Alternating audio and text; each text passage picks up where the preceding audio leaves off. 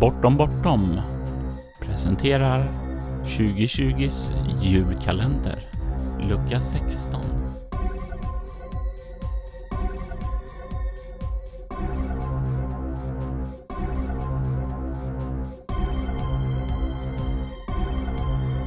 Bakgrundsmusiken i detta avsnitt gjordes av Derek and Brandon Fichter och vignettmusiken gjordes av Robert Jonsson.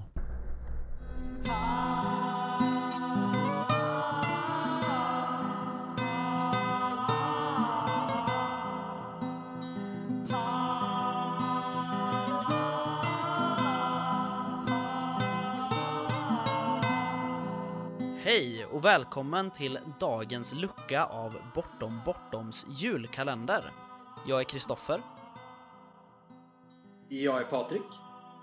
Det är vi som är spelsnackarna och vi vill berätta om ett minne som rollspelen har gett oss. Jag eh, kommer nog aldrig glömma bort när vi spelade eh, Snösaga.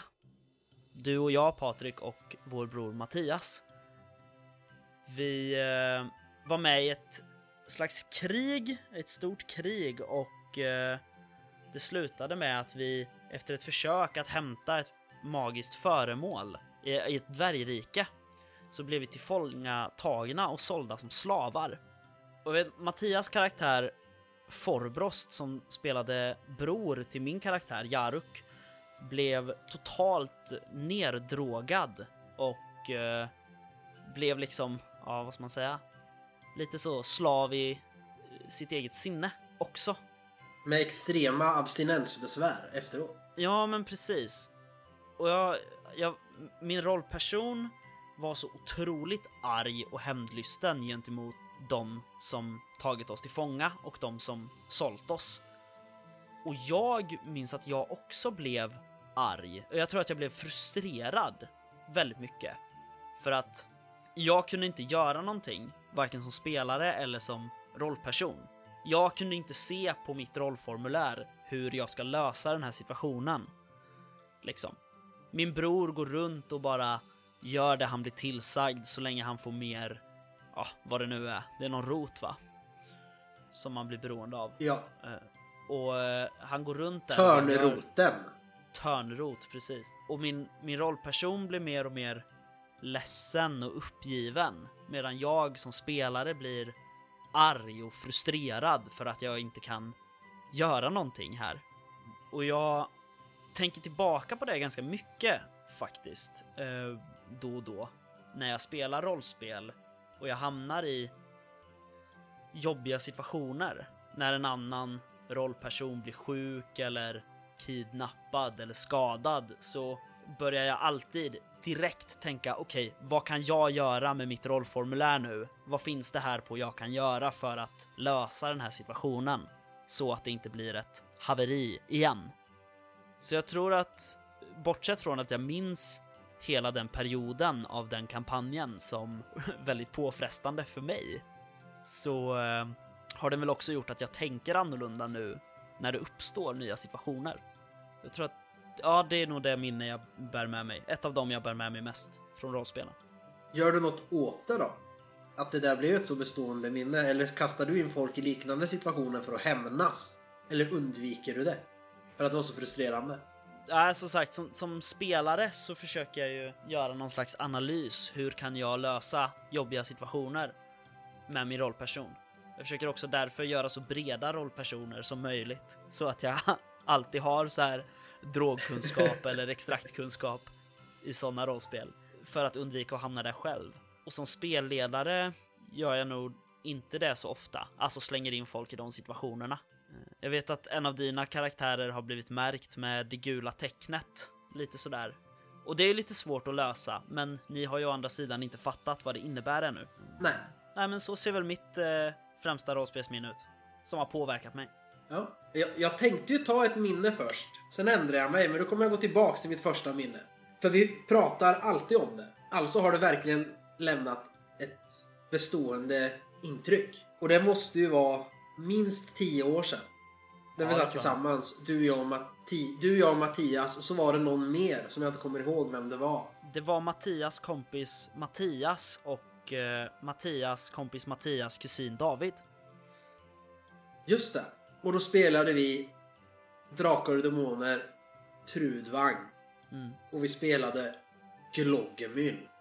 Och grunden till äventyret är från en gammal Fenix. Jag kommer inte ihåg vilket nummer. Eh, nummer två från 2005.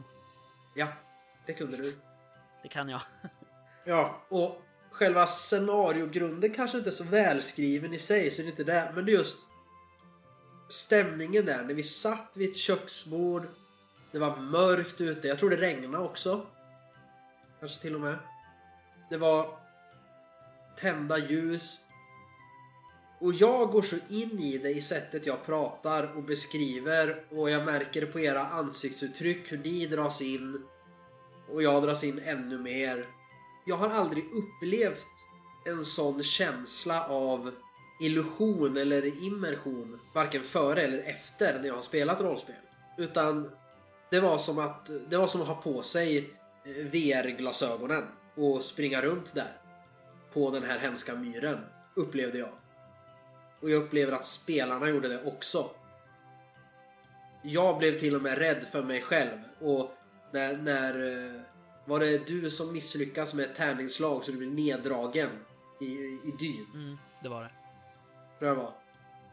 Och jag sitter och börjar skaka och blir helt nej, han kommer ju dö. Och sen kommer jag ju på efteråt att jaha, men det var ju en, det är ju bara en rollperson, han finns ju inte på riktigt.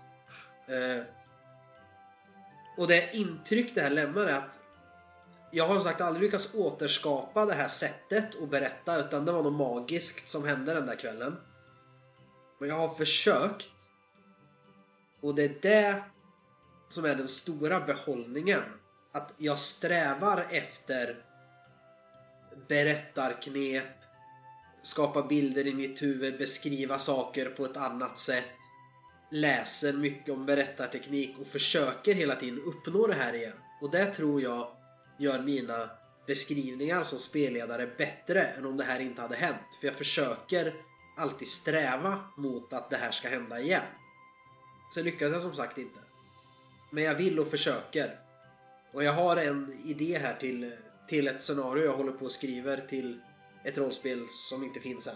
Där, där jag verkligen sitter, jag har skrivit om det många gånger som helst. För där det är bara för att jag vill spelleda det själv och då försöker jag skriva in så mycket som möjligt så att jag ska försöka uppnå det här igen. Men du, Så när vi satt och spelade gl- Gloggemyll den där sommarkvällen, det är nog mitt mest bestående rollspelsminne. du tror inte att det kan vara att du har liksom gjort en slags ouppnåelig bild av det då? Att du strävar efter någonting som, för, alltså att du värdesätter det högre än vad det kanske är? Så kan det vara, men eh, om man siktar mot trädtopparna så träffar man marken. Siktar vi mot stjärnorna så träffar man trädtopparna. Ja, det är sant. Så att om min strävan är så där hög Mm. så kommer jag ju nå mycket längre än om jag hade lagt ribban mycket längre ner. Ja. Och det är det som är så skönt med en dröm på ett sätt som är ouppnåelig eller en dröm eller en, en strävan. För att om det är någonting som du uppnår enkelt då är det ju förbi. Då har du gjort det där. Nu kommer jag ju alltid att sträva mot det här och så kommer det bli bättre och bättre. Men jag kommer nog kanske aldrig nå dit. Och då får jag ha min dröm kvar. Just det. Ja, det var våra rollspelsminnen.